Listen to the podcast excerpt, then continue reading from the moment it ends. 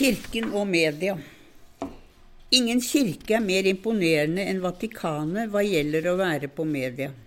De har lenge hatt sin egen kringkasting, de har sin TV-kanal, de publiserer avis og litteratur, men mest imponerende er deres tilstedeværelse på sosiale medier av i dag.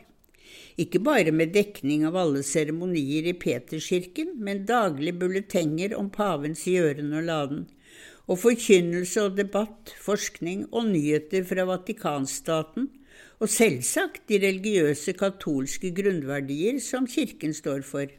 Dekningen er levende og hyperaktuell og interessant, også for oss ikke-katolikker langt mot nord. Det er slående hvor lavmælt vår egen kirke er i det nye fellesrommet, som faktisk er de sosiale media.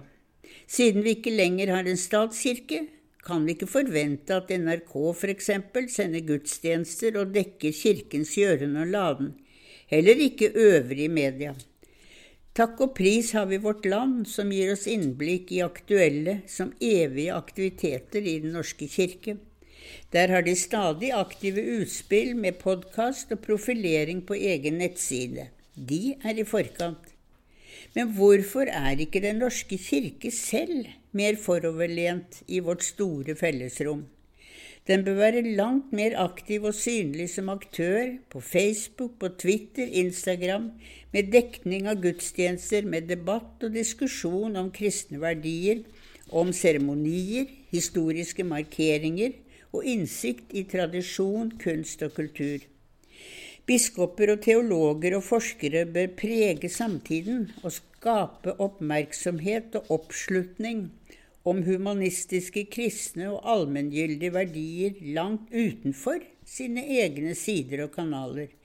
De bør være langt mer synlige og hørbare, være profiler og forbilder, ha stemmer og ansikt. Det ramles om sport og spill og underholdning på alle kanaler, og godt er nå det. Verden er vanskelig nok. På stadion sitter vi på tribunen og tar bølgen og får varme, varme av fellesskapet. 17. mai her om dagen ble en manifestasjon over hvor lykkelig vi kjenner oss som norske i Norge.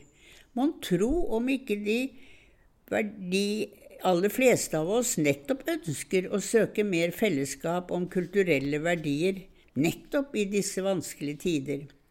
Vår norske kirke representerer verdier som holder lengre enn vårsesongen, trender og mote.